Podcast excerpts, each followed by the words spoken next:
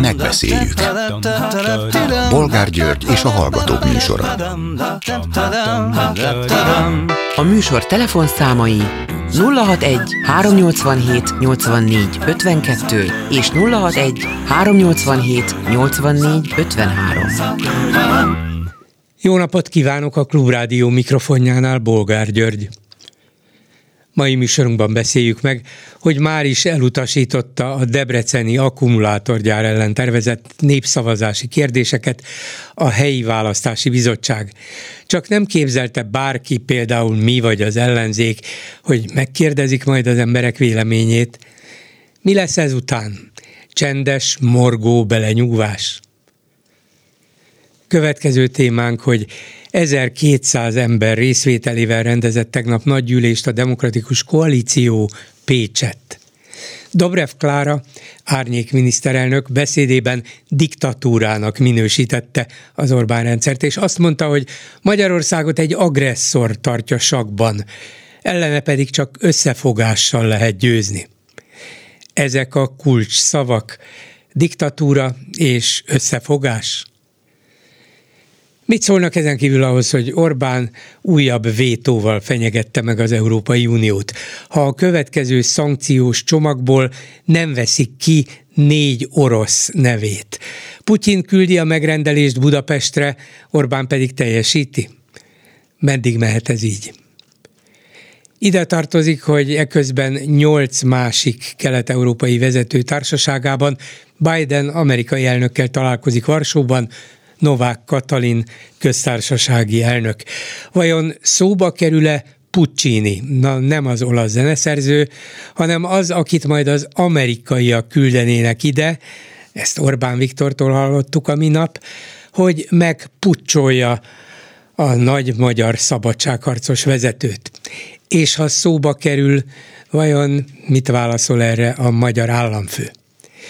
És végül beszéljük meg, hogy egy Fidesz közeli úgynevezett civil szervezet azt kéri az óvodáktól és az iskoláktól, hogy ne tartsanak már farsangi ünnepségeket, eseményeket a most kezdődött bőti időszakban, mert az eltereli a figyelmet Jézus kereszt haláláról.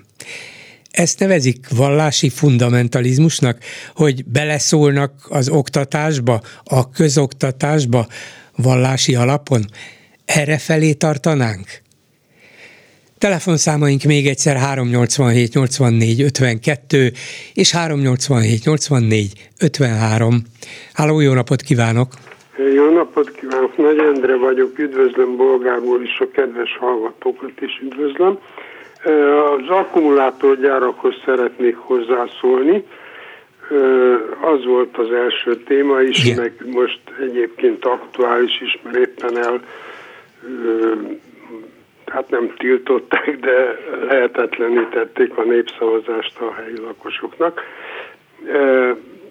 Hadd hasonlítsam össze egy picit a, az akkumulát, akkumulátorgyárakat szélerőművekkel bizonyos szempontból, és a lényeg a, a levonható következtetés, hogy ugye egy akkumulátorgyárhoz vagy akkumulátorgyárban, bocsánat, a gyárak, gyárakban, mert ugye vagy 28-at akarnak, itt meg világ elsők vagy vezetők akarunk lenni, hát bizony veszélyes, környezetszennyező anyagokat használnak föl. Én nem azt mondom, hogy kibocsátják, vagy de baleset mindig lehet, szóval mindenképpen egy bizonyos szempontból veszélyesebb, veszélyes üzem. Ehhez képest egy szélerőmű az nem fog kibocsátani veszélyes anyagot, nem kell az építéséhez, tehát ahhoz nem kell veszélyes vagy környezetszennyező anyag. Akkor hát iszonyatos mennyiségű vízre van szüksége állítólag az akkumulátorgyáraknak. Hát most nem akarom elmondani az én, a, nagyon röviden csak megemlítem, hogy ilyen félvezetőgyártást tanultam, a Egyesült Izzóban vagy Tungsramban írtam a diplomamunkámat. A lényeg az, tehát eléggé értek hozzá, hogy hogy kell egy tranzisztort vagy egy integrált áramkört legyártani, és ahhoz ugye maratás, stb. nagyon tiszta vízzel le kell öblíteni. És hát az nem is ioncserélt víznek kéne lenni, hanem desztillált víznek. Lényeg az, ez régen volt, persze azóta fejlődött a technológia, remélem, hogy a desztillált, tehát azt a nagyon tiszta vizet egyszerűen képtelen volt ma, a gyár előállítani, vagy Magyarország pontosabban, és importálnunk kellett. Uh-huh. Na most, hogyha ezek a szóval nem hiszem, hogy egy elektromos valami egy akkumulátorhoz nem tiszta víz kell, de hát tisztítsák, aztán használják, ez az ő problémájuk, ez csak zárójelbe. Tehát de hatalmas mennyiség igen, víz igen, kell igen, mindenképpen. Most mennyi víz kell egy szélerőműhöz? Hát semennyi, sokkal jobb, igaz? Amit még mondanék, hogy a, és ez az utolsó, hogy hatalmas energiaigénye van egy akkumulátorgyártásnak, ezt nem tagadják. Mennyi, mennyi energia kell egy, egy szélerőmű működtetéséhez? Hát semennyi, sőt, még ő termel. Tehát oké, okay, háromszor olyan jó, szerintem, háromszor olyan előnyös, egy szélerőmű ilyen környezetvédelmi, meg, meg jövő megőrzési, meg stb. stb. szempontokból, akkor tudom, hogy még, bár most tervezik a megszüntetését, de egyelőre még érvényben van az a törvény, hogy 12 kilométeres területen nem lehet Lakott területtől 12 kilométeres távolságban. Épp pontosan nem lehet építeni szélerőművet. Na most, ha ezt durván elfogadjuk, hogy háromszoros veszéllyel jár egy akkumulátorgyár, azt én engedélyezném 36 kilométeres környékkel. Valószínűleg nem is kellene még 36 se, nyilván hát, 12 igen. is bőven elég lenne. Én úgy képzelem, hogy egyszerűen bírósághoz kell fordulni, és azt mondani, hát ha a szélerőmű 12 kilométeres körzetében nem lehet építkezni, hát hogy most én nem vagyok ilyen, szak, ilyen szempontból szakember, én nem tudom, tehát a, a per során, és nem én lennék a feljelentő, nyilvánvalóan kisember, hogy a per során azt kitűzni célul, tehát a per tárgya az lenne, hogy legalább 24 kilométer, de hát maximum vagy minimum. Igen, maximum, minimum 24, maximum uh-huh. 36 kilométer, ez, ez lenne a per tárgya. Ennyi. Föl kell őket jelenteni, és elmenni Brüsszelig is, ha kell. Arról még egy, egy és befejeztem elnézést, hogy ezt is, ha jól tud, bocsánat, ha jól tudom, nemzetgazdaságilag kiemelt beruházásnak minősítették, vagy minősítik, de lehet, hogy keverem valamivel, de általában az összes ilyen nemzetgazdaságilag kiemelt beruházásban tulajdonképpen nem engednek beleszólni, ha semmi köze az ott lakóknak hozzá, stb. stb. Én meg azt mondom, ha nemzetgazdaságilag fontos az a beruházás, akkor az összes előírást és jogszabályt és szabályt be kéne tartani, mert mi van, ha azt mondja valaki utólag, hogy hát bocsánat, hát e, ezt a szabályt nem tartották be, szabálytalan lebontani. Majd a következő kormány, mert nyilván nem ezek. Vagy hát nem kell olyan, mint a, a nyugati téren a, a két tehát a föl, felüljárót két helyről indították, aztán egy fél méter különbség volt ilyen térkép használati ügyekből kifolyólag. Hát úgy látszik, az nem volt olyan fontos, hogy minden szabályt betartsanak, hogy, hogy mikre kell figyelni egy ilyen építkezésnél, de én azt mondom, ha kiemelt beruházás, akkor kellene. Hát ez a véleményem, és ilyen jogcímeken én bizony bírósághoz fordulnék, a magyar emberek egészségének védelme mhm. érdekében. Hát nem, nem, nem tudom, hogy mennyire célza, célra vezető a bírósághoz való fordulás, lehet, hogy ezt is érdemes megpróbálni, de azért egy ilyen perben egyrészt eltelne két-három év, ameddig a bíróság igen, igen, igen. jogerősen döntést hozna, és még akkor sem biztos, hogy érvényt tudna szerezni a bírósági ítéletnek, főleg, hogyha közben fölépítenék a kínaiak az akkumulátorgyárat. Úgyhogy szerintem a bíróságokat először arra kéne használni, hogy ott fellebezzenek a választási bizottságok elutasító döntése ellen, mert hát ha a bíróság azt mondja, hogy ilyen esetben mégsem a választási bizottságnak, hanem a kérelmezőknek, kérvényezőknek van igazuk. Ez az egyszerűbb megoldás, és akkor végül is az embereknek volna beleszólásuk, szavuk abba, hogy a környékükön, a környezetükben mit építhetnek és mit nem. Hát igen, igen, egyetért. Köszönöm szépen, minden jót, viszont hallásra. Minden jót. A telefonnál pedig Hiller István, MSZP-s országgyűlési képviselő, volt oktatási miniszter, az MSZP választmányának elnöke. Jó napot kívánok! Jó napot kívánok!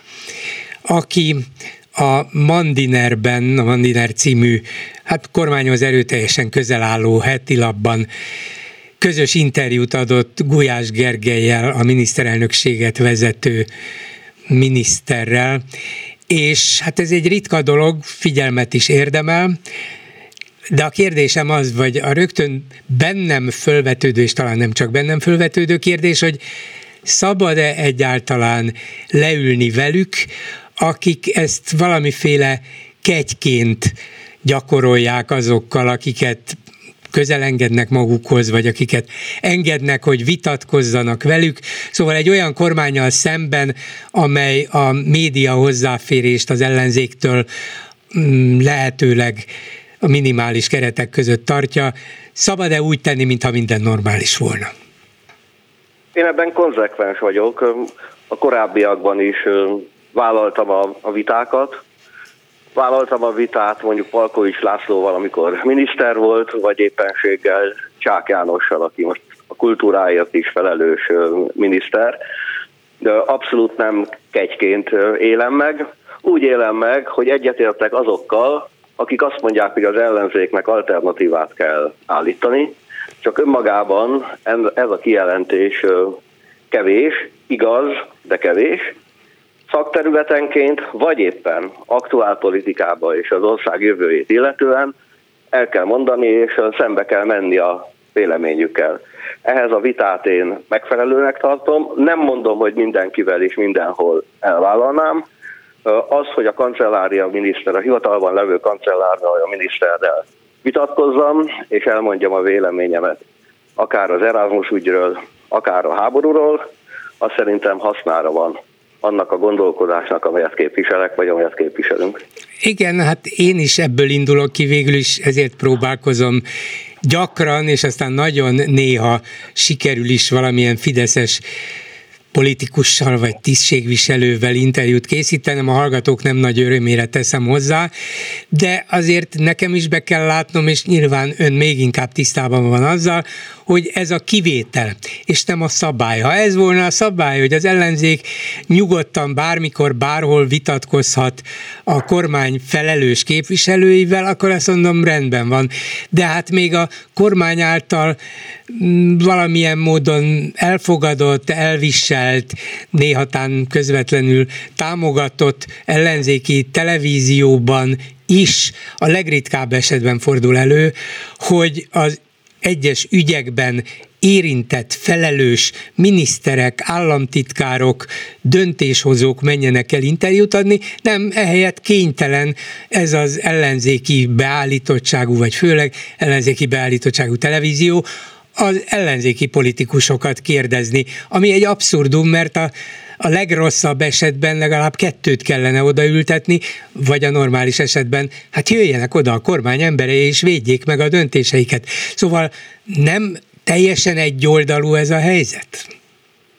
Amit elmondott a felvezetőjében, kérdésként is állításként, hogy egyébként milyen lenne egy normális országban egy normális vita, én azzal maradéktalanul egyetértek. Csak akkor, amikor erre adódik lehetőség, vagy éppen felkérés, még akkor is, hogyha ez ritkának számít, ugyan nem kivétel nélküli, de így van, ritka, akkor én megragadom az alkalmat, és képviselem azt az álláspontot, amelyet egyébként akkor, amikor nem vállalják velem a vitát, akkor is elmondom, de helyes dolog ezt akár élőben, egy interjúba, akár pedig egy ilyen páros vitán, páros interjúba elmondani. Tehát én az oktatás, a kultúra területéről, a saját politikai közösségem jövőjéről, vagy éppenséggel olyan kérdésről, ami mindannyiunkat érint sajnos, a háborúról, képviselem azt az álláspontot, amit egy tisztességes, demokratikus gondolkodású ellenzéki ma magáénak van, és ezt elmondom. Ennyi. Nem legitimálja ez a magatartás azt a abszolút antidemokratikus rendszert, amit Orbánék létrehoztak, és azt a teljesen antidemokratikus média környezetet is, amelyben akár ön ebben a pillanatban kénytelen szerepelni, vagy, vagy ilyen körülmények között kénytelen szerepelni. Hiszen, hogyha ön leül Gulyás Gergelyel, akkor azt mondhatja a Fideszes szavazó is, de akár az ellenzékiek egy része is, hát, hát látjátok, előfordul ez, megy ez, lehet velük vitatkozni, Gulyás leült a Hillerrel, pedig az már rég volt csak miniszter, úgyhogy mondhat ő akármit ellenzéki politikusként, hát a dolgok rendben mennek, elfogadja ám egy tekintélyes ellenzéki politikus is. Amit mond, lehet egy álláspont. Ez az álláspont nem az enyém. Nem, nem legitimálok a véleményemet, határozottan képviselem. Pontosan értem azt a dilemmát, amit ön fölvet. Ezt én a magam számára és a közösségem számára, politikai közösségem számára egyértelműen úgy látom, hogy az, ha van véleményed, ha tudsz alternatívát állítani, akkor ne hagyd ki a lehetőséget. Nem elég azon siránkozni, hogy egyébként nincsen terünk. Az alternatív gondolatot egy másik Magyarország lehetőségét, hogy annak a részleteit is hogyan gondoljuk és hogyan gondolom, szerintem kötelesség és tisztességes dolog is elmondani. Ezért én minden vita elé állok, megjegyzem, Értem, hogy egy másik ország volt, akkor is helyesnek tartottam a vitát, amikor sok évvel ezelőtt kormányon voltunk, és amikor van mód arra, hogy nem egy megvágott interjúban, hanem ténylegesen a gondolatokat kifejtve mondhassam el adott esetben, ha megtisztelt ön is vélhetően elolvasta, meg más is, akkor nekem van erről véleményem, van gondolatom, és ezt elmondom. Ugye a helyzet jellemzésére talán hát sokan emlékeznek rá, ön aztán bizonyára, amikor 2006 őszén kitörtek a kormányellenes zavargások, megostromolták a televíziót, akkor éppen ott a köztelevízióban Juhász Ferenc és Navracsics Tibor vitatkozott egy műsorban. Hát ilyen a köztelevízióban az elmúlt 12 és fél évben nem volt, akkor pedig mindennapos volt. Nem volna érdemes, nem tanácsot akarok adni, csak most fölvetődik bennem, nem volna érdemes minden ilyen ritka alkalommal, amikor önt elhívják valahova vitatkozni egy kormányzati politikussal, elmondani azt, hogy igen, itt vagyok, elmondom a véleményemet, de szeretném fölhívni a figyelmet arra, hogy ne ez legyen a kivétel, hanem ez legyen a szabály. Mindenhol. A kormány által közvetlenül pénzelt, irányított, felügyelt médiában is, meg a kormány által közvetve támogatottban is.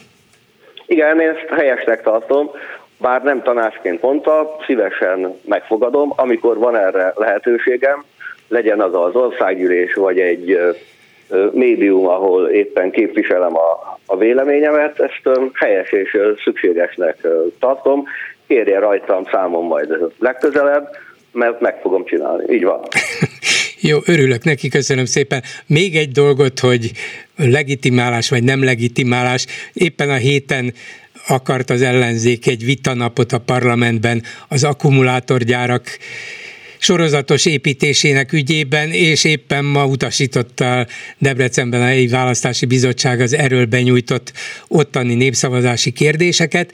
Magyarán a demokrácia alapintézményei nem működnek és éppen ezért az a kérdés, hogy lehet-e legalább média kommunikációs oldalról nyomást gyakorolni a kormányra, a kormány oldalra, hogy rendben, mi elfogadjuk, hogy ezek a szűkös lehetőségek, de kezdjük el ezeknek a kibővítésével, legyen ez mindennapos, és akkor legyen például ellenzéki kérésre parlamenti ülés, ahol persze a kormánynak úgyis kétharmada van, meg föl lehessen tenni népszavazási kérdéseket, ne kasszálják el.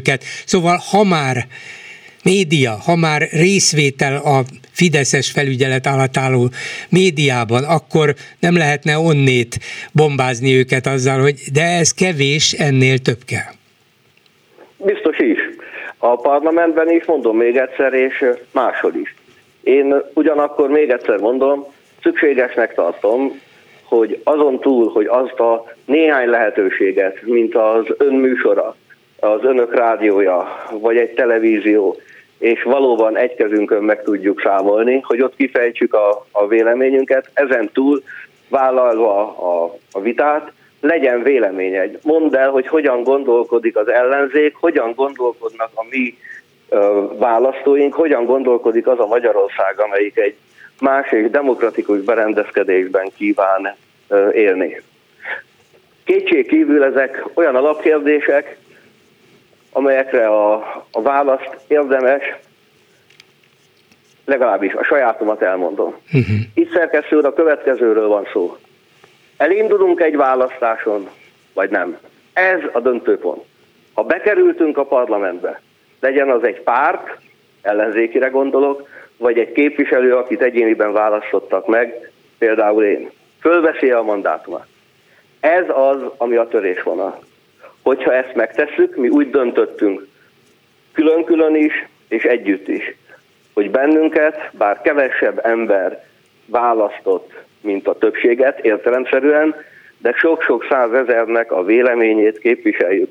Akkor bemegyünk a parlamentbe, elmondjuk a véleményünket, szembesítjük az igazsággal a kormány képviselőit, és elmondjuk a sajátunkat. Ha ezt vállaltuk, innentől kezdődően a többi részlet. Ez az a pont, ahol a vitának, a vitát el kellett dönteni, ezt eldöntöttük, hogy történetesen elindulunk a választáson, és utána pedig a parlamenti mandátumunkat fölveszünk. Szerintem ez volt az a kérdés, amit annak idején végül is lezártunk. A többi az már valóban a részlet, de olyan részlet, amit egyáltalán nem hanyagolnék el. Még egyszer, én azt állítom, hogy alternatívát kell ezekkel szembe állítani. Az alternatíva két oszlopon nyugszik, ha szabad így mondanám. Egy személyi oszlopon hozzáértő saját területükhez értő emberek. A másik pedig a szakmaiság, hogy ezt ki tudja fejteni, el tudja mondani, képviselje saját körei és azok köré, körében is, akik egyébként még nem döntöttek, hogy hol, hol szavaznak. És ezt nem csak a kampányban, nem csak az utolsó két hónapban kell mondani, hanem végig egy ciklus alatt, ez az én meggyőződésem. Igen, értem a, az érvelését, vagyis ha a parlament mélységesen antidemokratikus módon működik is, de legalább az ottani szűk lehetőségeket ki kell használni, és még ha média is ugyanilyen antidemokratikus módon súlyos fideszes nyomás és torzulás alatt és körülmények, ilyen körülmények között működik, de az ott néha megjelenő szűkös lehetőségeket ugyanúgy ki kell használni. Ez van, ha ez nem lenne, akkor szinte semmi sem maradna. Így van, nincs mit hozzátennem, elmondtam a, a véleményemet, illetve a, a döntésünket. Még egyszer, ez a pont nem egy interjúnál dől el miközben természetesen vállaltam a felkérést, és vállalom a véleményemet, amit ott elmondtam. Ez a pont politikai értelemben ott dölt el, hogy az ellenzék abban a formációban, amiben elindult, vállalta a megmérettetést, uh, utána pedig a parlamenti képviseletet. Innentől kezdődően azonban, hogy ez megvan, engem Pesterzsébetiek és Kispestiek választottak meg az ő képviseletük, ha már elindultam, és megtiszteltek azzal, hogy megválasztottak, kötelesség. Innentől kezdődően a dolog még cizellálható, de alapjaiban az előbb már kifejtettem, hogy hogyan gondolkodom erről. Köszönöm szépen Hiller Istvánnak, az MSZP választmánya elnökének. Viszont hallásra! Viszont hallásra! Háló, jó napot kívánok! Halló, jó napot kívánok, Miksa Gyula vagyok, üdvözlöm a Klubrádió hallgatóit. Egy közel 80 éves öregember vagyok, aki némi élettapasztalattal rendelkezik, és a Sadli ügyel kapcsolatban szeretném elmondani a gondolataimat. Úgy gondolom, hogy tegnapra jelentkeztem be vele, tegnap volt téma, de ma is időszerű. Igen tulajdonképpen a Sagy ügy ritka kivétel, nem abban az értelemben, hogy nincs több ilyen ügy, hanem az, hogy kiderült. De ez nem egyedi jelenség. Úgy gondolom, hogy az igazi nagy halak az ország vezetésében vannak. És alapvetően tanult jogászok, közgazdászok köz vannak köztük. A Fidesznek a magja a jogi egyetemről indult kíváncsi lennék, hogyha valaki meg tudná mondani, esetleg ön, bolgár úr, hogy hány jogász ül a parlamentben? Nem tudom, de, de sok nyilvánvalóan a Fidesz, ez a jogászi társaság alapvetően nem csak onnét vannak, de de főként igen, úgy verődtek össze, és, és úgy is gondolkodnak, ahogy a jogászok mm, a kiskapukat keresik, és jogi módon próbálják a dolgokat a saját hatalmi céljaiknak megfelelően alakítani. Úgy gondolom, hogy ezek az emberek nem primitív laikusok, magas szinten képzett szakemberek, nem mondhatják, hogy, hogy nem ismerem a törvényt, nem tudtam, hogy mit teszek. Tudatosan cselekvő jogászbűnözők ők, akik az ország elfoglalását bűnszövetségben a joggal való visszaéléssel valósították meg. Már nem csak a jog kiskapuit használják ki, de jogalkotóként a pillanatnyi céljaikhoz hozzák létre, akár naponta, éjjel 11.59-kor is, a másnap már esedékes és hatályos törvényeket. Úgy gondolom, hogy ki kell mondani, nem csak cigánybűnözés létezik ebben az országban, hanem jogászbűnözés Sőt, cigánybűnözés szerintünk nem is létezik. Vannak cigányok, hát, akik bűnöznek. kategória. Igen, igen, igen, igen. Tehát vannak cigányok és nem cigányok, akik bűnöznek. A jogász, a jogász társadalom nagy része tisztességes, de Persze. van egy krémje, amely most hatalmon van, megkaparintotta a hatalmat, és tulajdonképpen a, ahogy a, a német náci ideológus mondta, a hatalom birtokában bármi törvényesé tehető. Nem kell hozzá más, csak 133 bátor ember. Igen. Igen. Közben itten figyeltem, hogy, vagy megpróbáltam utána keresni, hogy hány jogász lehet a parlamentben. Ilyen összesítést frisset nem látok, de a talán 15-ből való egy, egy ilyen felmérés, akkor, akkor 199 tagból 51 volt hát jogász, vagyis a, negye, a negyede gyakorlatilag a parlamenti tagoknak jogász volt.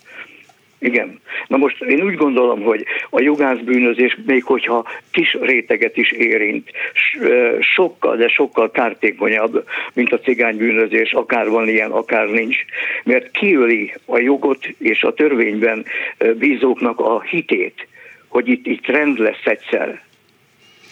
Hát ugye ez a jogászbűnözés abban merül ki, hogy ráadásul ameddig lehetett úgy fabrikálták a törvényeket, hogy az megfeleljen az igényeiknek, vagy kifejezetten már a parlamenti kétharmaddal, és ez történik az elmúlt 12 és fél évben, lassan 13-ban, mindent, az egész mm, törvényi rendet átírták, az Igen. alkotmánytól kezdve, ugye alaptörvényé változtatták, azt is 11-szer módosították, és gyakorlatilag úgy felelnek meg a törvényeknek, hogy előbb megírják a maguk számára a törvényeket, hogy aztán már akadály nélkül mozogjanak. Igen. A törvény, a törvény nem kőbevésett valami, hanem a pillanatnyi igények által diktált uh, törvények alkotódnak meg. Igen. És itt adódik a kérdés, hogy kire és mire esküdtek fel ezek az emberek. Mire kötelezi őket ez az esküjük? Hát arra kötelezné, hogy az ország érdekében cselekednek. Ez egy, egy egyértelmű, de ők persze azt mondják erre, hogy hát én csak azért változtattam meg az alkotmányt, azért fogadtam el egy új alaptörvényt, mert az jobban megfelel a magyar társadalomnak, a magyar népnek. Ez hasznos. Végre olyan alaptörvényünk van, amilyen. És az összes többi esetben ezt mondják. ne, nem mondom, hogy nem lehet cáfolni, csak azt mondom, hogy saját maguknak a felmentés mindig megvan. Ezek az emberek nagyon okos emberek nem kistílű bűnözők, és itt idézném Hamvas Bélának egy megállapítását az okos emberről. Azt mondja Hamvas, hogy nem az a lényeg, hogy valaki okos, hanem hogy mire használja az eszét. Tehát, hogy milyen célok érdekében Igen. mozgósítja. Az, És hogy ez okos, igaz, az önmagában, az egy, így van, az önmagában nem érdem, az egy adottság, így van. Ez egy adottság. Na most ez a garnitúra, ami az országot vezeti, ez kísértetiesen hasonlít a módszereiben a, a, a olasz mafiához, vagy a, a templomosokhoz, ugyanis van egy hármas jelszó, tudni, merni és hallgatni. Tudni minden információt megszerezni, akár törvénytelen eszközökkel is, mint a Pegazus, a sok infóbort birtokában zsarolni, lejáratni az ellenfelet, vagy itt van a Vodafone-nak az esete, ami ugyanezt a célt fogja szolgálni. A sok információ birtokában pedig merni bármit megtenni, mert nincs rizikó. Hallgatni, elhallgatni, elhallgattatni, és titkosítani 30 évre. Vagy 80-ra. Hát igen. Én úgy gondolom, hogy, hogy nem általánosítva a jugászok felelősségét, azt a rákos gócot, ami terjedve pusztítja az országot. Valahol itt, ezen a területen Igen. kéne keresni. Ez egy jó végszó, amire most rábukkantam. 2015-ben írta az Index egy cikkben, az a címe, hogy a jogászok kezébe került az ország. Hát tényleg. Hát, nagyjából erről van szó. Köszönöm szépen, fontos Köszönöm, dolog. Viszontalásra, minden jót. Viszontalásra. Háló, jó napot kívánok! Halló, jó napot kívánok, Bolgár úr, Szőke Bálint vagyok, és uh, üdvözlöm a kedves hallgatókat. Um, megmondom őszintén, hogy nagyon-nagyon-nagyon örülök, nagyon jó felé ha mennek a dolgok, és bármennyire is meglepő ezt hallani, ugye meghallgattam a felvezetését, hogy már a milyen ö, szenzációs dolgok ö, történtek, ahogy napról napra, hétről hétre és már évek óta, és ö, hát ö, egy jobb országban minden, bármelyik napot, hogyha kiválasztanánk, konkrétan egy olyan ér lemond a kormány, vagy megbukik, nálunk nem. Mert ez egy és... szenzációs ország, ahol annyi szenzáció van nap, mint nap. Igen, igen. Na most az a helyzet, hogy a, a Debreceni akkugyára kapcsolatban, hogy ez történt, hogy ugye a népszavazást is ellehetetlenítették, mint a szél erőműveket, meg minden mást, ami, ami jó volna az országban, és előremutató. Ezek, ezek a dolgok nagyon-nagyon jó irányba mutatnak. Tehát, hogy igazából sopánkodunk, sajnálkozunk, stb. De pontosan afelé vezet mindez, hogy konkrétan, hogyha már a példánál, hogy a példánál maradjak, Debrecen, ami, ami az Orbán kormány, illetve a Fidesz második fellegvára lenne, sőt az is, és ez is volt a cél, hogy azzá épüljön ki, konkrétan elveszti ezt a pozícióját az Orbán kormány és a Fidesz, és úgy megutálják a debreceniek az Orbánékat, hogy az valami döbbenet, és olyan, olyan nagy mellénnyel, olyan erősen menetelnek előre az Orbánék, totálisan elbízták magukat, már minden, már semmi nem számít, már minden mindegy, mindent megtehetnek.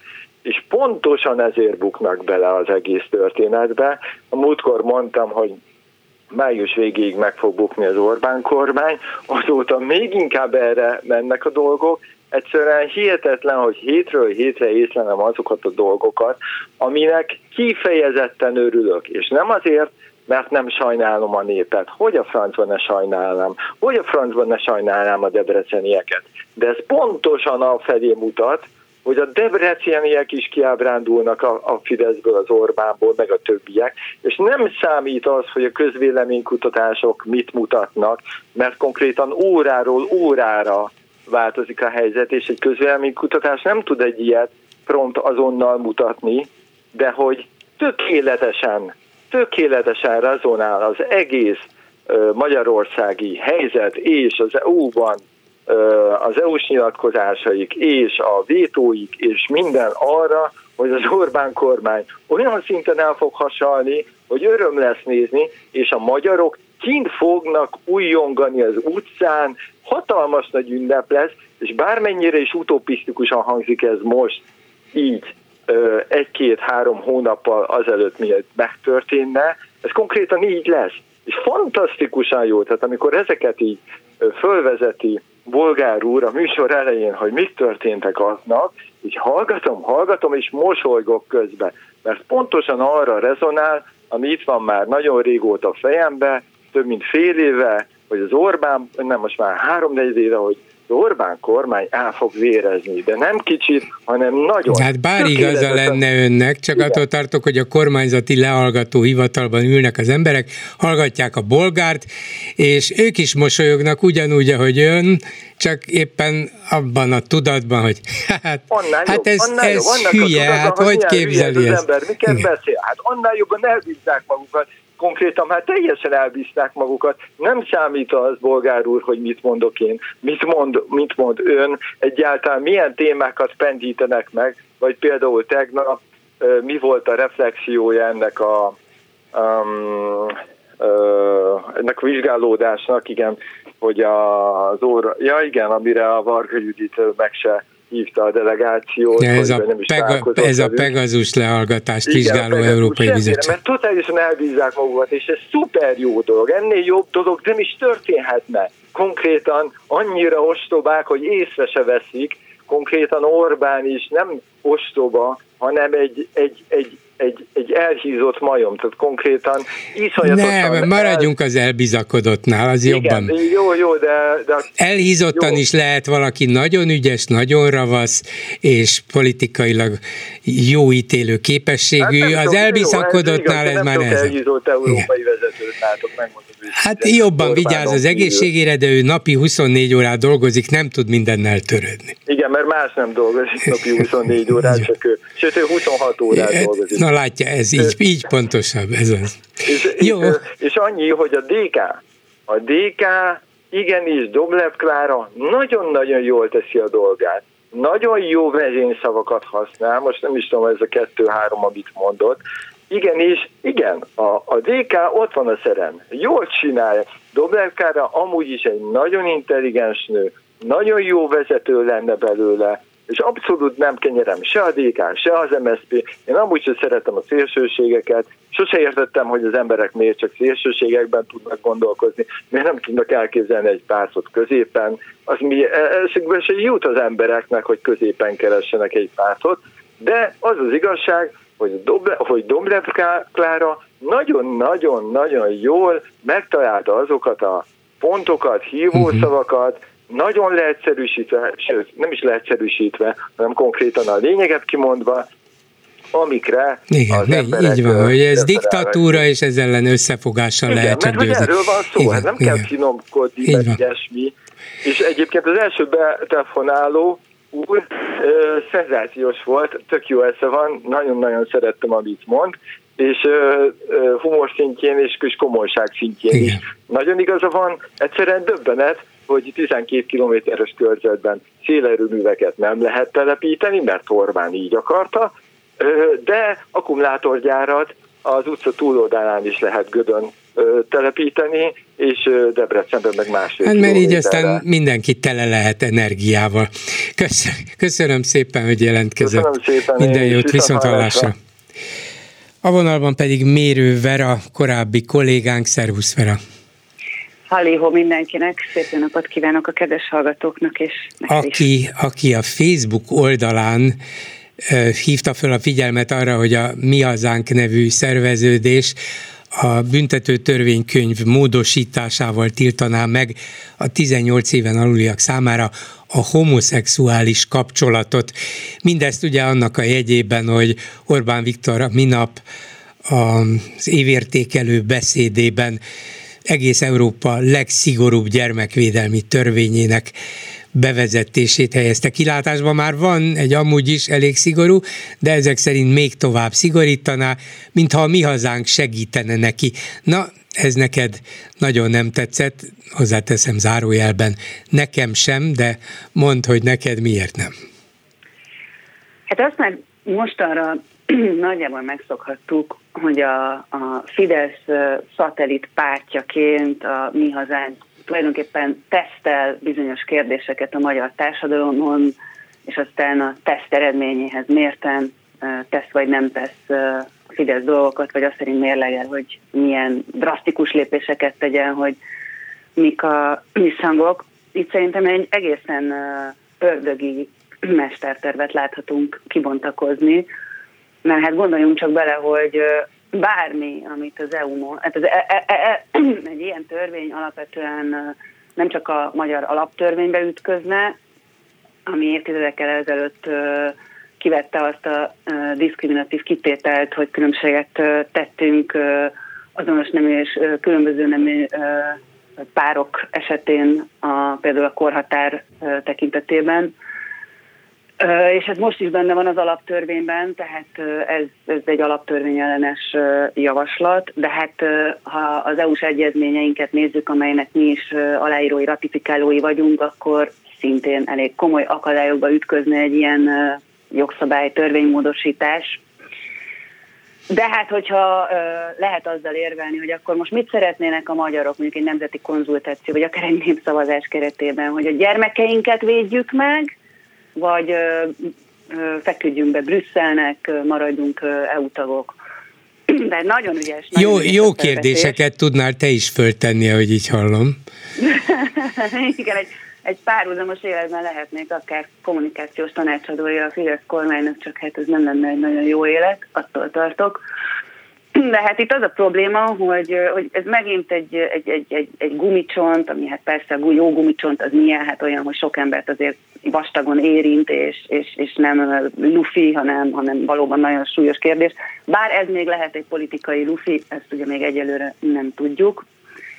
De valahogy De... az az érzésed, hogy ezzel a mi hazánkos törvényjavaslattal Orbán itt előre tolta a, hát a vele szövetséges kvázi ellenzéki pártot, hogy na nézzük meg, hogy erre mi a reakció, van-e egyáltalán, Szerintem és aztán esetben nagyon. szálljunk bele, hogyha adott esetben terjesszék elő, lehet, hogy majd mi megszavazzuk, azt mondjuk, hogy hát vannak remek ellenzéki javaslatok, itt, itt van például ez. kezdve azért ö, láttunk már olyan ö, kacsát, ami úgy hápogott, ö, mint egy kacsa, úgy is nézett ki, mint egy kacsa, és mi hazánknak hívták, és, és aztán a kormány pedig elkezdte ugyanazt hápogni egy idő után.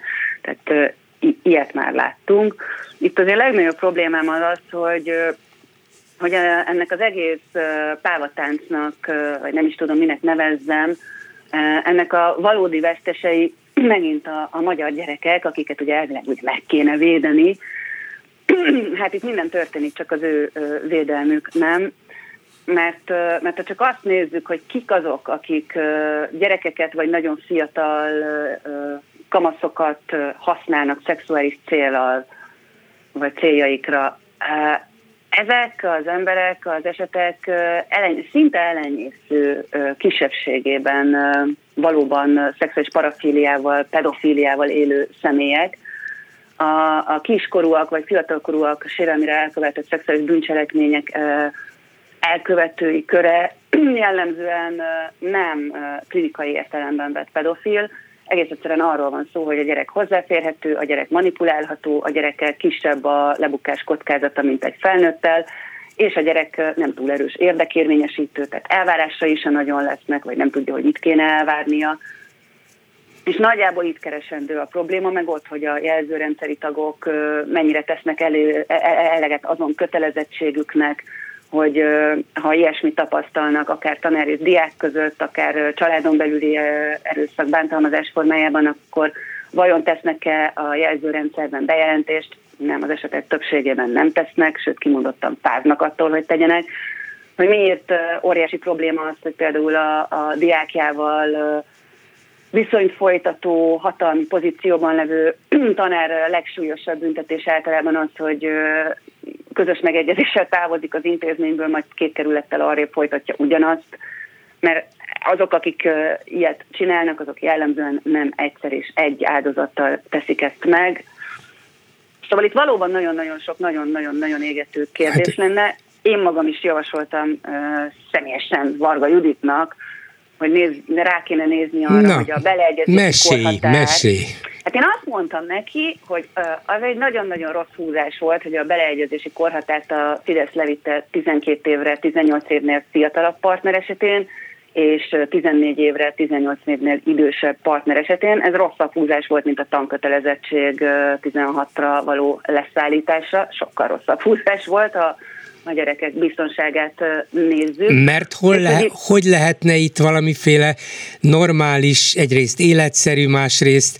Differenciált sávos felosztás. Mert ugye az, tehát... hogy 14 éven felüliek ma már nagyon gyakran élnek, hát 18-hoz közel. Az örökbefogadásnál meg tudták Igen. Bolgár úr csinálni azt, hogy hogy maximális korhatár van az örökbefogadható gyerek és az örökbefogadó szülő között, akkor vajon szexuális kapcsolat létesítésekor ezt miért ne lehetne megtenni, hogy mondunk egy 18 évenél fiatalabbak esetén természetesen, mert aki nagykorú az, az, az el, nagykorú az csinál, amit akar, igen. felnőtt, gyakorlatilag ezzel azért vitatkozni, de hogy, hogy, hogy akkor 18 évnél fiatalabbak esetén csináljunk egy, egy sávos, max, mennyi lehet a maximum korkülönbség, ami, ami, ami nem erősen Igen, Ami világosá tenné, hogy ki az, aki valószínűleg visszaél azzal, hogy a gyerekre milyen hatással van, hogyha az illető olyan idős, hogy már manipulálni tudja.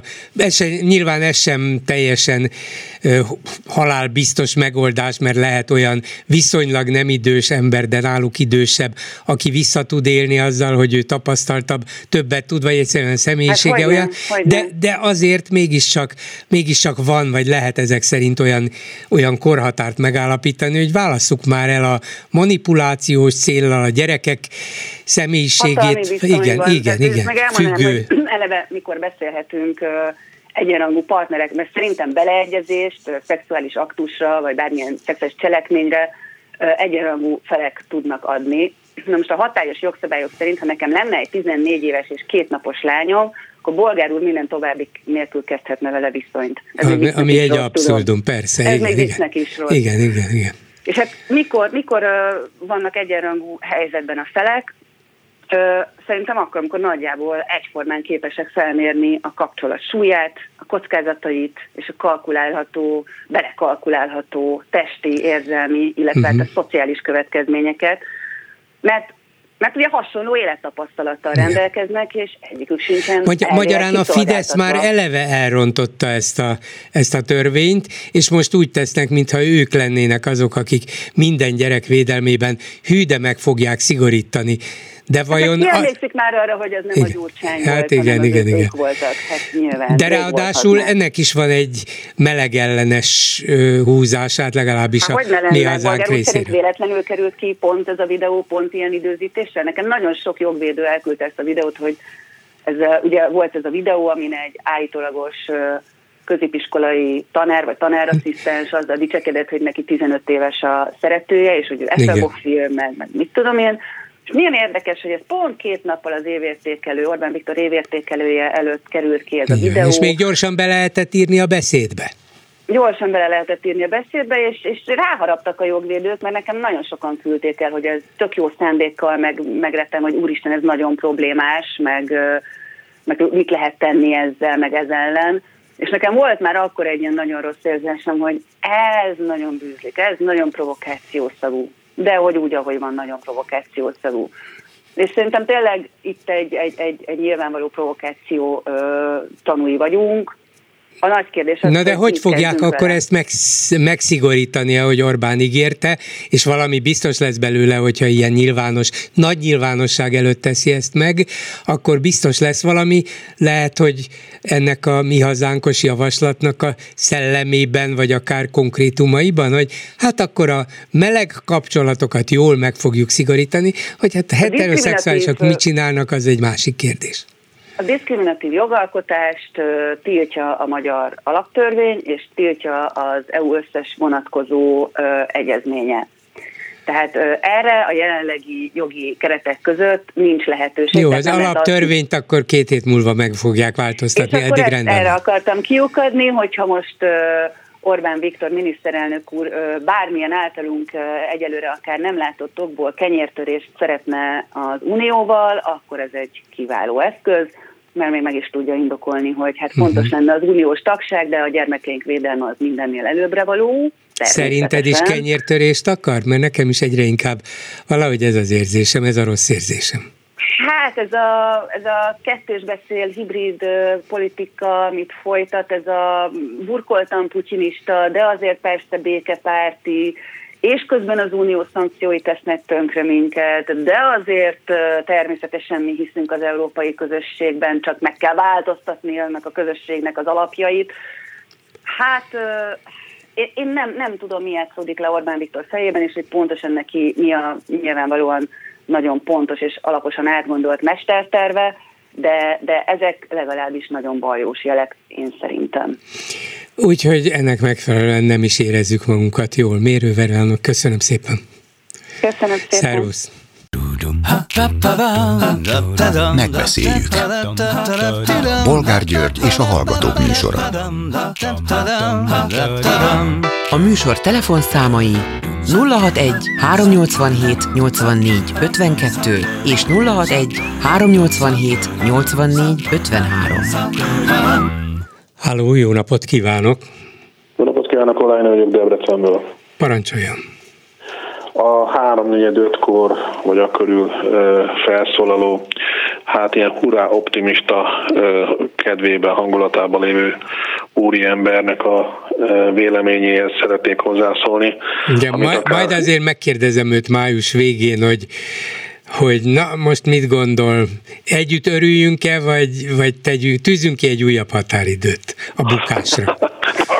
Hogy újabb határidőről kell majd beszélni, mert egy, egy szóba is össze lehetne foglalni a véleményt, amit mondott azzal összefüggés, vagy azzal szemben, és hogyha egy szóba kellene, akkor az úgy szólna, hogy dehogy is.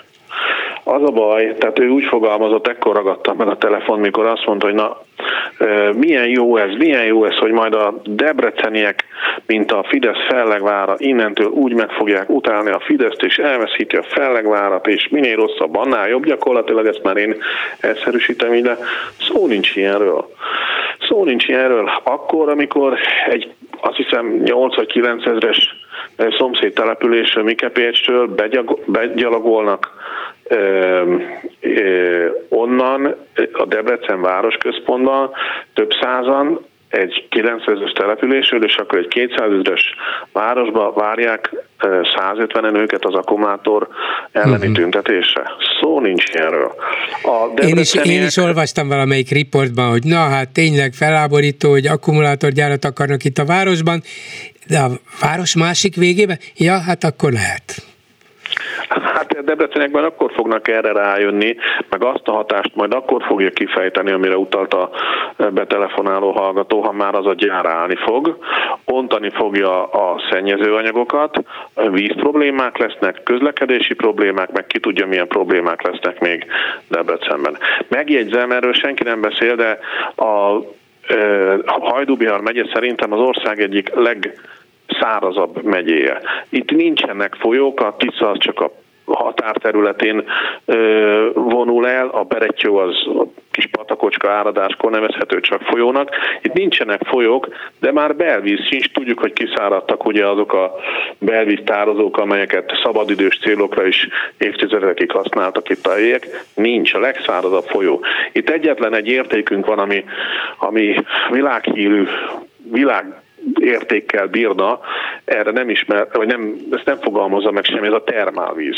Ez Szoboszlónak, Debrecennek, így gyakorlatilag ugyanabból a idézőjelbe csapból, de ugyanaz a víz folyik, szuper minőség, amíg el nem fogy. Kell nekünk ide akkumulátorgyár, biztos erre van szükség, a Debreceniek ezzel akkor foglalkoznak értékelhető számban, amikor majd ténylegesen érzik a hatását, addig addig sajnos. Igen, hát valószínűleg ilyen az ember, mert hall ezt, hall azt, tehát akkumulátor, na most mi a baj ezzel, nem, nem lehet minden egyes embernek előadást tartani, egyetemi előadást, hogy hát ez ilyen és ilyen feltételek mellett működik, ilyen és ilyen veszélyei lehetnek, így és így kell gazdaságilag vagy műszakilag értékelni a problémákat, a következmények ebben és ebben foglalhatók össze, már be is zárta a fülét, nem is foglalkozik vele, legfőjebb azt érteni meg, ja, hogy itt a szomszédomban épül egy nagygyár, és folyamatosan éjjel-nappal zúg úgy, hogy én azt hallom, na az nem kell, azt érti. De az összes többit, vagy távolabb lakik, vagy az egyéb, hogy majd ez lesz, majd az lesz, és esetleg kimegy valamilyen szennyező anyaga a természetbe, vagy a szennyvízbe, ezek, ezek valószínűleg nehezen megfogható dolgok, ha csak úgy azáltal, hogy egyre többen beszélnek, egyre több helyen róla, egyszer csak az emberek fülében ott nem ragad, hogy mi akkumulátorgyár, hogy ez, ez, ez esetleg veszélyes lehet, vagy ez nekünk rossz lehet, talán akkor elkezdenek érdeklődni iránta, de amíg ez nem válik mindennapos beszéd tárgyává, addig önnek van igaza. Még egy érdekességről, Ma pont ott ebédeltem, a Debrecenben volt ugye a nagy dohánygyár, és annak a régi dohánygyárnak a területén most mindenféle irodák vannak, a NAV-nak van ott központja, egy nagy étterem is van, nagy forgalmas, stb. Én pont ott ebédeltem, és a, a társam, akivel voltam, azt mondja, hogy ezek nem azok a kínaiak, akiket a tévében láttunk a e, akkumulátorgyárral kapcsolatban. Hát mondom, nem tudom, nem figyeltem meg annyira az arcokat, mert tudod, hogy nekem nem annyira jó a szemem, és akkor ahogy kiléptünk az étteremből, pont ott volt a, a most nem tudom, hogy miért kell angolosan ejteni a kínai gyár kezdőbetűnek a nevét. Hát, neve, nevezzük CATL-nek, mert úgy magyarul ez igen, rendben. CATL, vagy CATL, vagy nevezzük, hogy ejtsük, ahogy akarjuk. Tehát ott volt. És erről az jutott eszembe, meg így erről a gondolatsorról, amit az úriember mondott, hogy majd akkor, ha itt a dohánygyár területén a cég irodájával szemben annyian tüntetnek Debrecenben, mint amennyien például tüntettek az összödi beszéd után hetekig, meg hónapokig a Kossuth téren.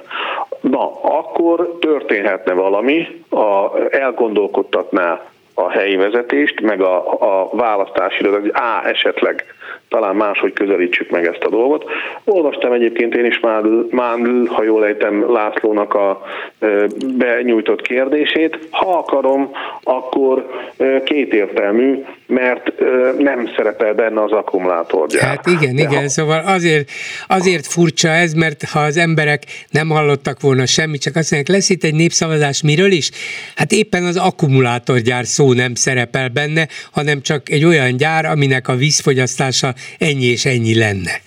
De a másik oldalról meg, abban meg igaza van, ha így nézem, hogy most nem emlékszem pontosan a kérdésben számszerűsített mennyiségre, de Debrecenben tényleg nincsen szükség olyan ö, gyára, ha akkumulátorgyára, akkor arra, ha mit tudom én, más ipari létesítmény, akkor arra, ami ilyen mértékű vízfogyasztás, pontosan azért, amit az előbb is mondtam, hogy Debrecen, a, illetve Hajdú-Bihar megye, ezen belül Debrecen is, aki, ami meg a közepén van, a legszárazabb pontja az országnak szinte.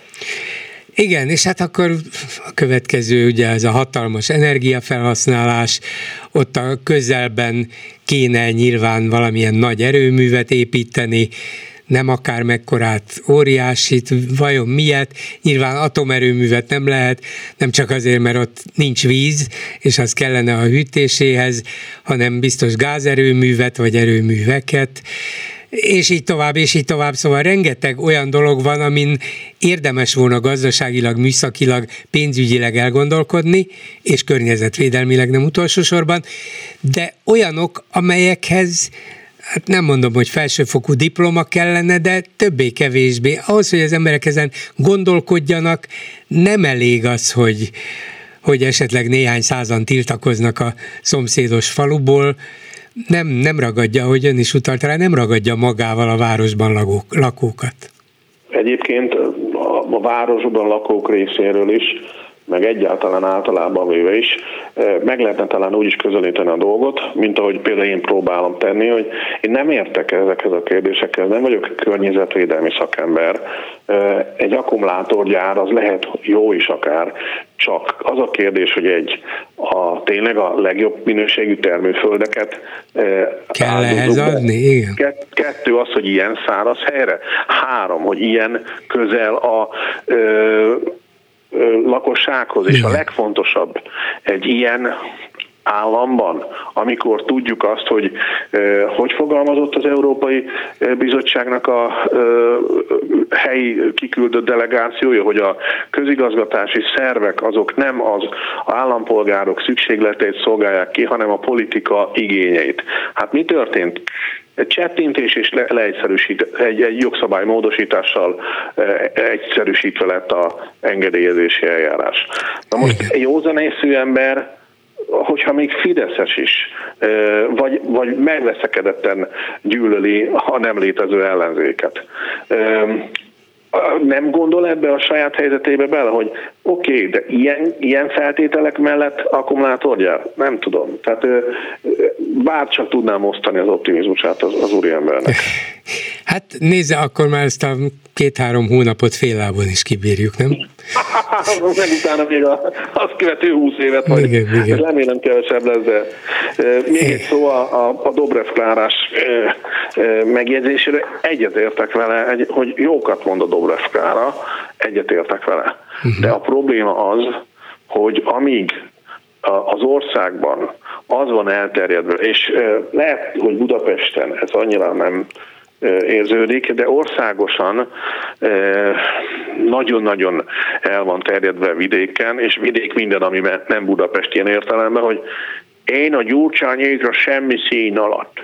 Tehát nem az, hogy, nem az, hogy most akkor elgondolkozzak bármilyen irányvonalon, nem, ellenzék, egyenlő gyurcsány. Igen. És én nem tudom, Ez egy ilyen zsigeri tenni. válasz nagyon Igen. sokak részéről, nem gondolkodnak tovább, pont gyurcsányék.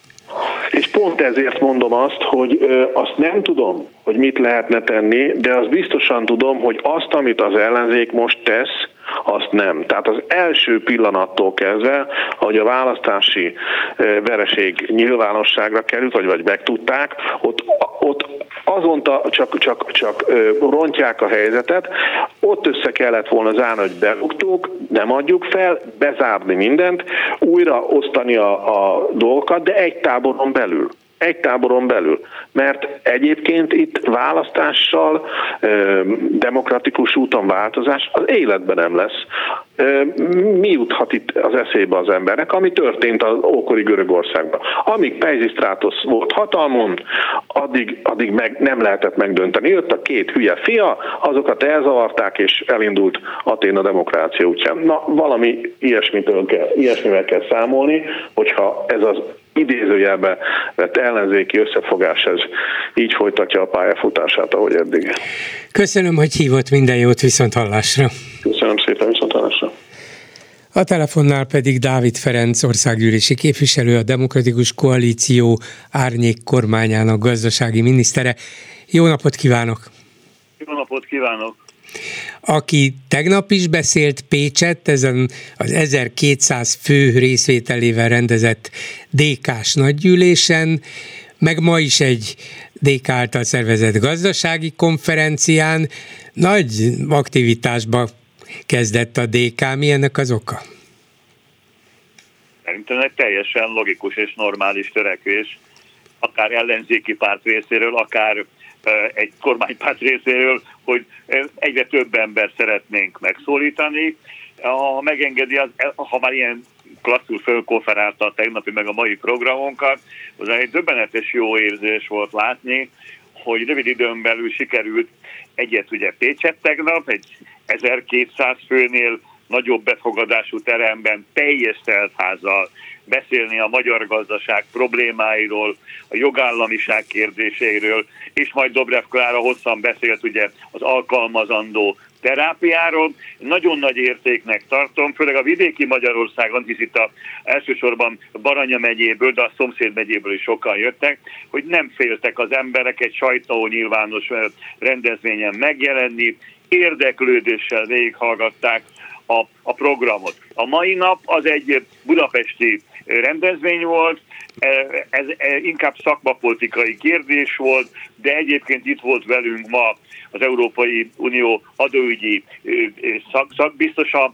Paul Tangúr is, és, és nagyon érdekes és jó szakpolitikai vitákat folytathattunk, voltak kiváló előadónk volt a mai napon Békesi professzor úr, és hogy mondjam, minden hely elkelt, és nagyon sikeres volt mind a kettő. Én abszolút megértem egyrészt hát magunkat nyilvánvaló, hogy ezt akarjuk csinálni, de az érdeklődést is, hisz Magyarország egy gazdasági és társadalmi krízis közepén van, még gyalogolunk bele a recesszióba, na ná, hogy az emberek érdeklődnek, hogy vajon milyen alternatívát tudunk kínálni. Akár szakmailag, akár politikailag. Na hát biztos nem tájékozódott még a kormány mai üléséről, pedig maga a miniszterelnök tájékoztatta a széles nyilvánosságot egy videóval, és megüzente nekünk, hogy legyaluljuk az inflációt. Ezen dolgozunk, üzente Orbán hát eddig elültették az inflációt, szépen öntözgették, növesztették jó nagyra, háromszor akkora, mint a német, háromszor akkora, mint az Európai Uniós átlag, most elővették a gyalut. Ehhez képest a DK például mit csinálna ezzel a nagyon súlyos inflációval. Tegyük fel, hogy összeomlik a, az Orbán rendszer. Két, egy hallgatónk megjósolt egy fél órával ezelőtt, hogy május végére kész vége.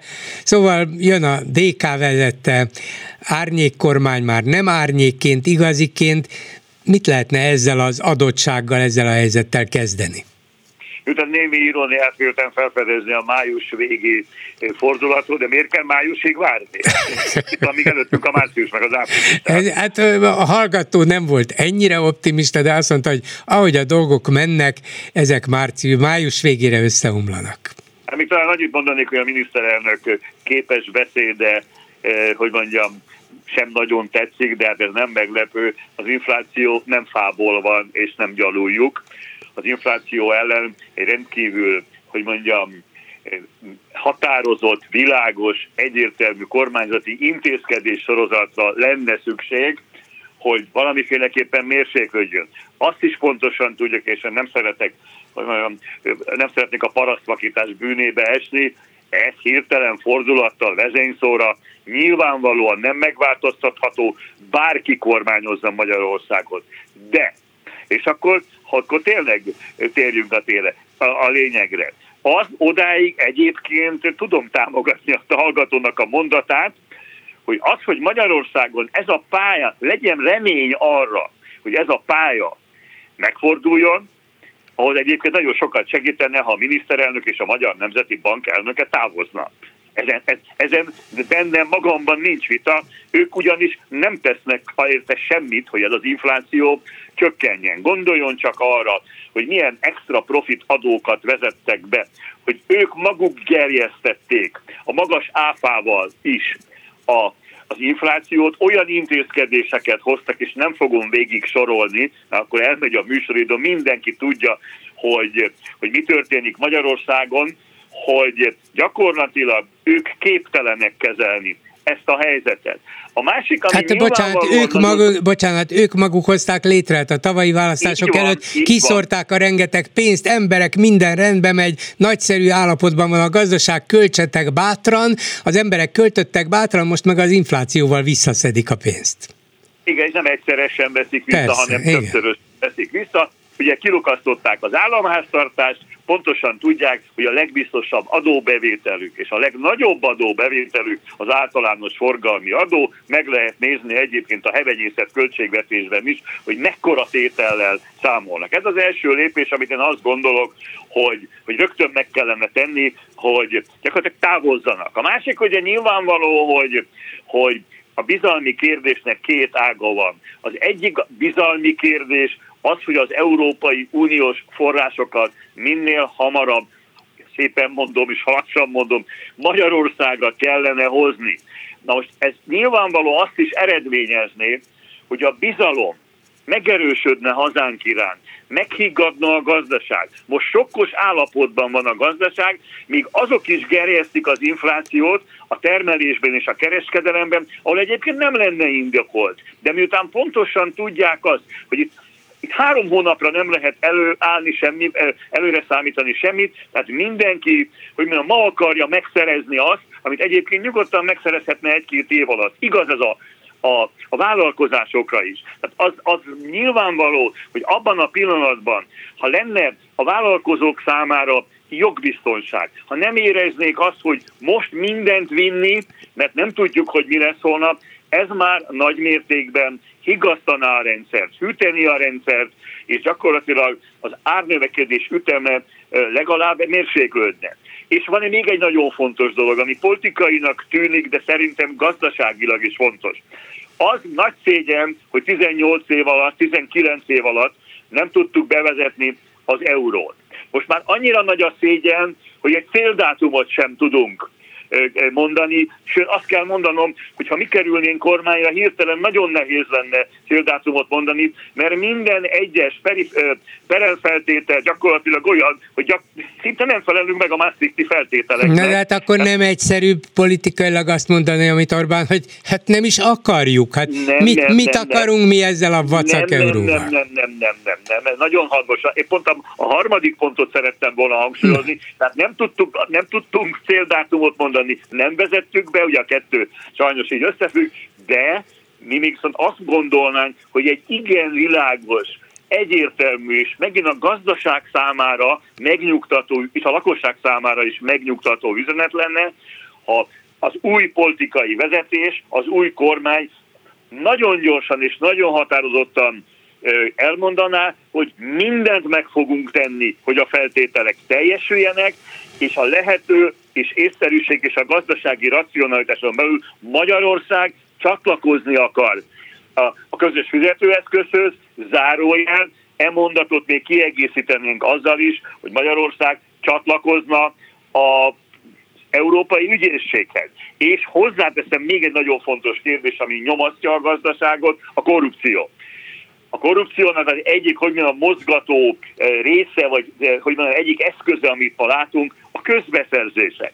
Tehát a kérdésére válaszolva összegezze, azonnal lehet mondani olyan elemeket, nagyon fontos elemeket, szerintem egyébként közérthető elemeket, amivel a magyar kormány az infláció hangulat, a hangulati részét, ami nagyon sokat számít, nagyon sokat számít, ha a hangulati és pszichikai részét tudnánk olyat, olyat mondani és üzenni, hogy megnyugodna a vállalkozói kör is, és a lakosság is. És nagyon fontosnak tartom azt is, ami ma tapasztalunk, és ez egyébként az egyik legjobban bizonyítja, hogy mennyire ellentmondásosan és rosszul kezelik ezt a problémát, ezt a gazdasági helyzetet. Ugye én most a szociálisról hagy ne beszéljek, nyugdíjról, minimálbérről, ami nagyon fontos, de most a gazdaságról szeretnék inkább beszélni, hogy az a kettősség, amit ön is gondolom közgazdászként jól érzékel, hogy egyszer a Magyar Nemzeti Bank, és itt a pénzügypolitikáról beszélek, a hitelpolitikáról, a Magyar Nemzeti Bank gyakorlatilag fölcsavarta a vállalkozói hitelek felső határát 18%-a, hát a fölött lehet hozzájutni hitelhez, ami gyakorlatilag lehetetlen kitermelni. Ez a bank üzenete, ezzel el is éri egyébként azt, hogy a forint valamennyire stabilizálódjék, stabilizálódjon, ez az egyik üzenet, ez a Matolcsi féle üzenet, és látjuk, hogy a, a gazdaságfejlesztési miniszter, aki, aki valamikor a, a Magyar Nemzeti Bank alelnöke volt, meghirdet egy olyan programot, ahol 5-6 százalékért hozzá lehet jutni hitelhez, amit oda lehet adni a Fideszhez közel álló gazdasági körökhöz. Így biztos nem lehet rendet csinálni a gazdaságban, hogy teljesen ellentétesen működik ma és csak a pénzügypolitikáról beszélek, a költségvetési politikára, ha van idő beszélek, ha nincs, nincs, de csak a pénzügypolitikára lehet látni, hogy miféle ellentmondás feszül a bank és a gazdasági kormányzat közül. Ha ez a kettő széttakt, ha ez a kettő divergál, akkor hogy hiheti el bárki, hogy ez a mostani rezsim képes kirántani Magyarországot, és akkor mondjuk el, az egész Európai Unióban Magyarországon legmagasabb az általános infláció, a maga 25,7%-ával, és a legmagasabb az élelmiszerinfláció. Hogy lehet ez? Hogy történhet ez? Csak is az, hogy egy teljesen dilettáns és rossz indulatú kormányzás folyik, az különösebben nem érdekel a mikrovállalkozók, a kisvállalkozók, és mondjuk a kis nyugdíjasok, és az, az alacsony És szól. azt mivel magyarázza ön egyrészt nyilván a gazdasági életből vannak azért információi, másrészt hát most már kénytelen, kelletlen politikus is, országgyűlési képviselő lassan egy éve, úgyhogy a politikához is azért kell, hogy értsen egyre többet, hogy ezt mintha a magyar társadalom nem érezni. Hát persze, hogy érzi a zsebén, csak politikailag nem hajlandó a következtetést levonni. Igaz, hogy néhány százezren már nem biztos, hogy a Fideszre szavaznának, elszivárogtak közülük a, tavaly áprilisi választáson rájuk szavazók közül néhány százezren, de nem mennek oda a DK-hoz, vagy nem igen mennek, meg a többi ellenzéki párthoz, és még ha önöknek sikerült is ki 1200 embert összegyűjteniük Pécset, ami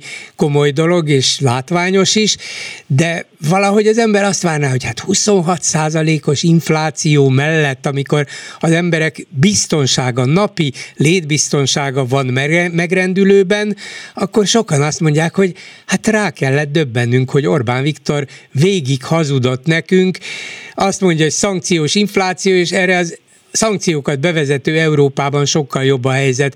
Mi a külön bejáratú megállapodásainkkal Oroszországgal rosszabbul jártunk. Hát vonjuk le a következtetést, és mintha nem volnának hajlandók lemondani, vagy levonni ezt a következtetést, mivel magyarázzák ezt a DK-ban? Én annyiban, annyiban vitat, vitatkoznék önnel, és eh, nem kincstári optimizmus beszél belőlem, nem vagyok, nem ez a jellemző rám, remélem így, így ismernek azért az szerintem egy jelentős, most a demokratikus koalíció vonatkozásában, hogy tegnap Pécset, ma Budapesten, és nem árulok el titkot, több nagy városban lesznek ilyen nagy volumenű rendezvények, ahol pontosan azt akarjuk elérni, amit ön kérdez tőlem, és én megmondom önnek őszintén, és ezt tényleg érzelmi alapon mondom, én nem vagyok politológus, nem vagyok elemző, én hiszek az őszinte szóba és az egyenes beszédben el kell, ha nem, ha, miután olyan média fölény van, hát ugye kimegy az ember az utcára, és a, csak a plakátokat látja, akkor igazából már van felfordul a gyomra, hogy, hogy mit kell elolvasni, és mit kell látni, és mit kell hallani, hogy én, én hiszek abban, hogy ez be fog érni. Ezt nem hiszem, mert ezt, ezt nem adhatom föl. Én érdekképviselő voltam egész életemben, most is egyébként, ha belegondol, ez egy érdekképviselet, a közjónak az érdekképviseletéről beszélek. Én hiszek abban, őszintén hiszek abban, hogy e, az egyenes, tiszta beszéd, a meggyőzés, az, hogy úgy mondjuk el az embereknek nem bonyolultan, de nem becsapva őket, úgy mondunk programot, hogy elmondjuk azt, hogy itt nagyon nehéz, hogy mondjam, akadályokat kell majd leküzdeni, egyre többen fognak csatlakozni hogy mondjam, ehhez a csapathoz. Itt nyilvánvaló, hogy nem elsősorban pártpolitizálni kell, bár ez is a része, hanem felvilágosítani az embereket, hogy milyen, milyen aljas, mocskos módon becsapták őket az elmúlt 12 éve. Rá, hiszek benne, hogy rá fognak jönni, ez, ez nagyon sok munkával jár, nagyon sok energiát kell befektetni, de én azt gondolom, hogy ez meg fog térülni, én nagyon fontosnak tartom, hogy még azt mondjam önnek, hogy itt nem arról van szó, hogy a DK, mint politikailag most milyen sikere van, vagy persze, hogy a siker is kell, sőt a személyes siker is kell, nehogy félreértsem, de igazából az a siker, ha a magyar társadalom nagyobbik részét meg tudjuk győzni arról, hogy ez így tovább nem mehet, de ami még ennél is fontosabb, hogy legyen reményük és hitük, hogy ennél lehet jobb körülmények közt élni, lehet egy komoly közösséghez tartozni, lehet az Európai Unió gazdag polgárának lenni. Úgy látjuk, ez hosszú idő kellett, mert 12 év eltelt, de én ebben a kérdésben azért fordulópontot érzek, már csak azért is, mert azt ma már mindenki tapasztalja, vállalkozó is és állampolgár is, hogy megdőlt az, hogy az Orbán kormány mindent el tud intézni, mindenre talál megoldást. Most ez az infláció, ez a társadalmi és ö, szociális krízis, gondolva itt az alacsony bérűekre és a nyugdíjasokra, ez mindenkinek ébresztő, ezt mindenki érzi a pénztárcáján, ebből következik, hogyha ezt érzi, és mi ennek elmondjuk az okait, és elmondjuk a reális, hangsúlyozom, a reális alternatívát, akkor nagyon sokan csatlakozhatnak hozzánk, és ebben én őszintén hiszek. Köszönöm szépen Dávid Ferencnek, a DK országgyűlési képviselőjének és az Árnyék kormány gazdasági miniszterének. Viszont hallásra! Minden jót önnek! Háló, jó estét kívánok! Jó estét kívánok! Parancsoljon! Vagyok. Igen. Hallgatom önt, ha ön hall Hallgatja. engem. Hát én felháborodva olvastam egy cikket, amit itt nagy dühömbe aztán rögtön telefont is ragadtam, hogy fideszes civilek arra kérik az iskolákat, hogy ne szervezzenek farsangi ünnepséget, mert az eltereli a gyerekek figyelmét Jézus Krisztus kereszt haláláról, és ezt mind a bocsánat, Fiatal Családosok Klubja hamvazó szerda alkalmával kéri ugye a köznevelési intézmények vezetőit, hogy a nagybőjt időszakban a gyerekek fejét nem lehet megzavarni ezekkel a farsangi mulatságokkal. Igen, hát, hát gondoltam, hogy olyan, okozok... Olyan módon elcsodálkoztam és felháborodtam, hogy ezt egyszerre nem tudtam szó nélkül hagyni, mint ahogy az előzőben olvastam egy cikket, hogy egy bizonyos blond atya szombathelyre látogatott el a szombathelyi ö, valamilyen ö, előadásra egy Szent Mise keretébe, ahol elmondta, hogy aki meg van keresztelve, annak a második neve az Viktor. Tehát Jézus legyőzhetetlen, ezért a Viktor, Jézus szintén legyőzhetetlen. Szóval amikor ilyen tanítások folynak és folyhatnak, hogy most már tényleg azok a gyerekek, akik készülnek ugye a farsangi mulatságra, és ezek általában azért alsóbb vagy alsóbb tagozatban, vagy óvodákba készülnek erre a mulatságra. Szóval, hogy ezzel elvenni ezt a lehetőséget, hát szóval én ezt, én ezt egész egyszerűen felháborítónak tartom, mert a gyerekekben azt gondolom, hogy nem az kelt rossz érzést, hogyha a havazó szerdát nem ünneplik meg, hanem az, hogyha nem tudnak felszabadultan gyerekek lenni, és egyébként pedig nap mint nap azt látják, és hallhatják a 12-14 éves gyerekek is, hogy mi folyik ebbe az országba, tehát őket talán inkább ezektől kellene megvédeni.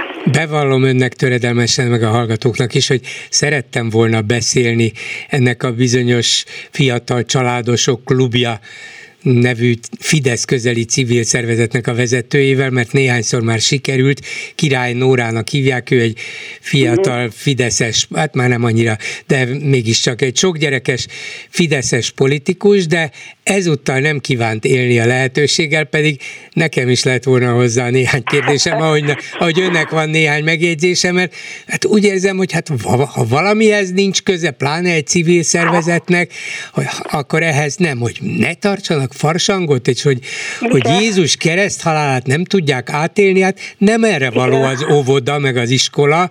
Hát, itt kezdődik az, hogy vallási fundamentalizmus van, ne ráerőltetjük-e az egyház különböző tanait, azok átélését a, a világi iskolákban tanulókra, vagy nem? Hát lehet, lehet egy vallási vagy egyházi iskolában ilyet akár el is rendelni, nem tudom, hogy mennyire lenne népszerű, de általában a közoktatásban, hát ez én egészen elképesztőnek tartom, mondjuk nem is lenne nyilvánvalóan népszerű. Szóval nem akart róla beszélni, ez a lényeg. Igen, mondjuk azt régóta tudjuk, hogy az iskolákban nem tanítás folyik, hanem nevelés, és ugye ezek, ezek a nevelési módszerek, hát ezek ide vezetnek már is, hogy a 12-14 éves gyerekeknek már nem lehet, meg hát a kisebbeknek se, ugye?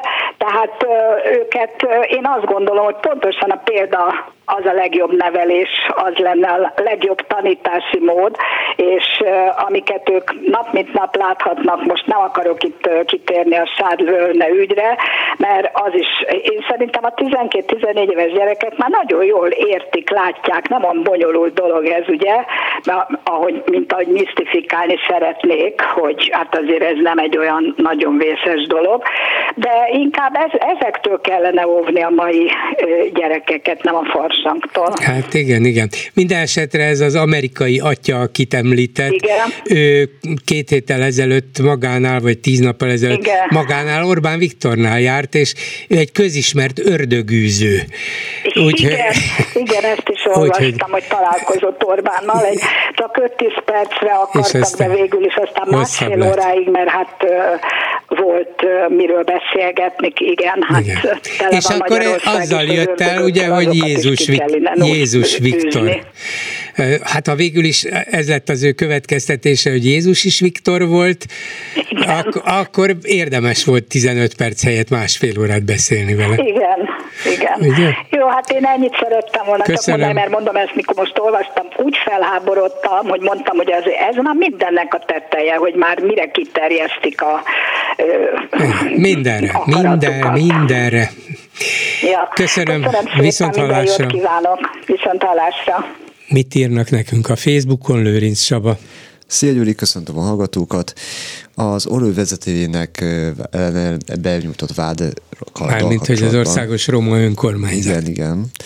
Egy gyors számolást végzett valaki, a hírekben hallottam, hogy eljárást indítottak az országos roma önkormányzat vezető Agolcs János ellen. A vád 30 millió forintért árulta a saját tisztségét. Ezért 6 év letöltendő börtönt és 2 millió forintos pénzbüntetést kért rá az ügyészség. Annak idején Farkas Flórián 1,3 milliárd forintot ö, tapsolt el. Az út a munkavilágába programra kapott pénzből akkor ezért 400-szor 30 millió gyorsosztást végzett. De nem írt alá semmit, úgyhogy nem, de, meg is úszta. De kiszámolta, hogy 2400 év járna, és nekem így eszembe is jutott a vidám múmiák kifejezése valamiért.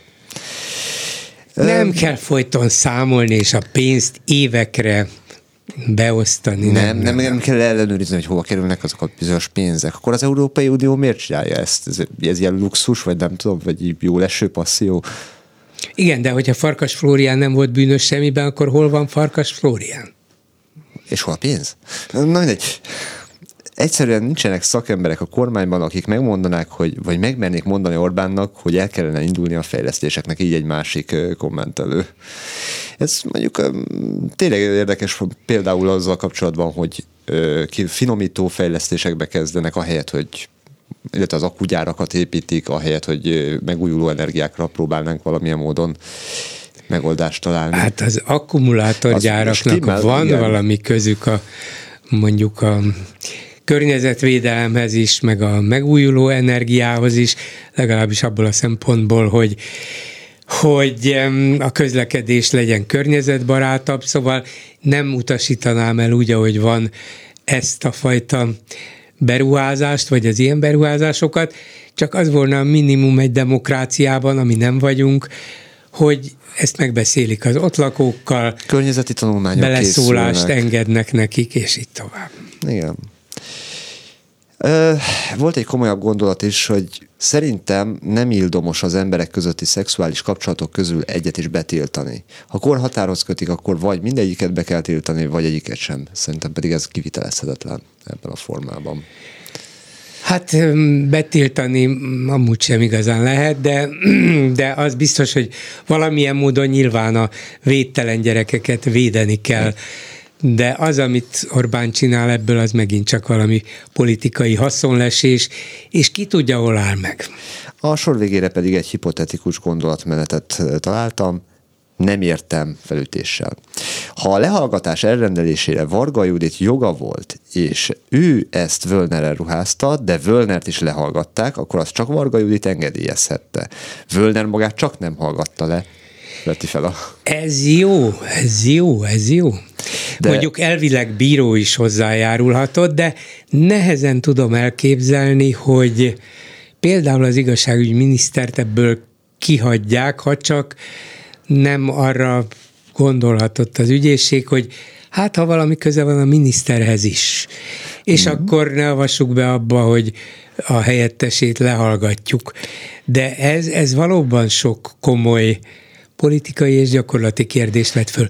Ki engedélyezte Völner Pál lehallgatását? Na igen, a kommentelő abból indul ki, hogy Varga Judit volt ez, és ő tudott akkor a visszaélésekről. Akkor pedig még inkább meg kellett volna őt kérdezni. Ha, ha tudott róla, akkor nyilván közel is volt hozzá. Ez nem, még... az nem biztos. Lehet, hogy ő szólt, hogy hallgassuk már le ezt a Völnert. Na, hát... Hát ez így már ez egy kicsit másként tűnik, mint korábban, de igen, ennyi lett volna a komment szekció. Köszönöm szépen, egy hallgató a vonalban, jó estét kívánok! Jó estét kívánok mindenkinek. Nem a legfontosabb dolog azt hiszem, ami most itt az országban folyik, de egy kicsit kiakadtam ezen, hogy megint a pedagógusokon vernék el a port. Farsang. Nem tartunk farsangot a 40 nap, bőti nap alatt. Pont. Már ele, eleve ugye a farsangi mulatságoknak hát vége farka. is van, persze, vége. Így van, tehát van egy olyan, hogy farsang farka, ez a jó pofán hangzik, és akármilyen kicsi a gyerek, én kicsiket tanítok, visszaszámolunk a húsvéttől 40 napot, igen, itt van vége, és bár nem egyháziskola vagyunk, de természetesen a ez, ez egy ilyen szokás, vége szokott lenni. Miről igen. szól, és miről szól a húsvét, igen. És nincs a 40 napban. Tehát ez megint az a hülyeség, hogy akkor rugózzunk ezen egy kicsit, rugdosok még megy egy kicsit a pedagógusot, hát ha még valaki még, mégis meggondolja magát, és még az sem maradott, a pályán, szóval kikérjük magunknak, azt hiszem ezt többek nevében mondhatom.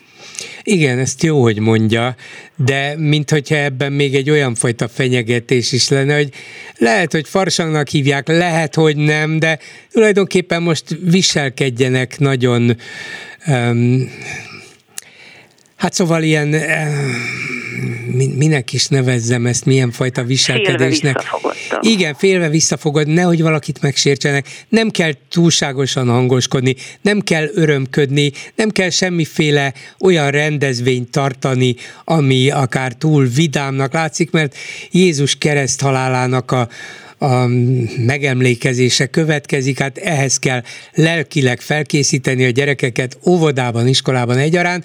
Szóval ez a tökéletes beavatkozás abba, hogy vallási alapon kezdjük újra, újra szervezni, vagy újjá szervezni az iskolai oktatást. Szerintem ez nem a vallási alap. Eddig is volt farsang, eddig is volt tél, télbúcsúztatás, millióféle népi hagyománya van ennek, több száz évre visszamenőleg, tehát most most akarunk esetleg valamit olyat belevinni. Hát ez az, hogy, hogy most akkor ebben a nagybőti, vagy úgynevezett nagybőti időszakban nyilván erről az iskolákban is tanítanak, de nem ez határozza meg a, az iskolai tanítást, vagy az iskolai gondolkodást, vagy az iskolai mindennapokat, mert az egy dolog, erről legyen tudomásuk, aki vallásos, az nyilván meg is tartja, vagy a szülei megtartják, vagy emlékeztetik rá, de ha ennek szellemében zajlik az iskolai oktatás 40 napon keresztül, hogy Jézus kereszthalálára és a feltámadására való lelki felkészülés legyen, akkor ez teljesen félrevisz. Nem erről kell, hogy szóljon a közoktatás. Erről is tudni kell, jó, ha megtanítják, de nem önnek a szellemében működik. Azon kívül gyerekekről van szó, akiket nem kellene, hogy áll, így is éppen elég stressz van körülöttünk, hadd legyen már nekik egy kicsit jó, és ráérnek később rájönni, hogy milyen a világ. Nekik legyen egy kicsit jobb. Hát Én igen, igen, jól gondolja. Köszönöm. Úgyhogy én ennyit akartam, és köszönöm szépen. Köszönöm, viszont hallásra. Viszont hallásra. Háló, jó estét kívánok! Jó estét kívánok, Kovács Klári vagyok, és ehhez a témához kapcsolódóan jelentkeztem én is a beszélgetésre.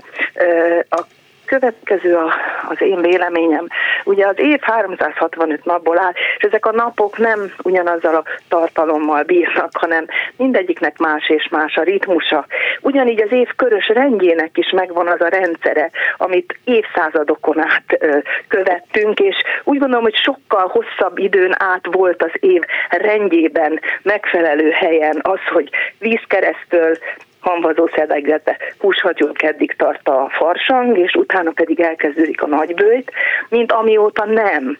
És mivel ennek a bizonyos uh, hagyománynak úgy gondolom, hogy az év minden napjaira is rányomja a bélyegét, és nagyon sok család a gyerekeknek ezeket azért elmondja, hogy mostantól már nincs olyan hangos mulatság, nincs olyan, uh, hogy úgy mondjam, hangos uh, jókedv móka kacagás, nagyon visszás, amikor egy gyerek, és nálunk is volt így a családban, hogy otthon erről beszéltünk, hogy mostantól hamvazószerától picit elcsendesedünk, visszafogottabbak vagyunk, vagyunk, mert hogy készülünk arra, ami, ami a, a megváltásunk záloga, és azért azt tegyük, hogy nem is zárójában felkiáltó jele, hogy azért Európa egy keresztény földrész, és benne Magyarország is.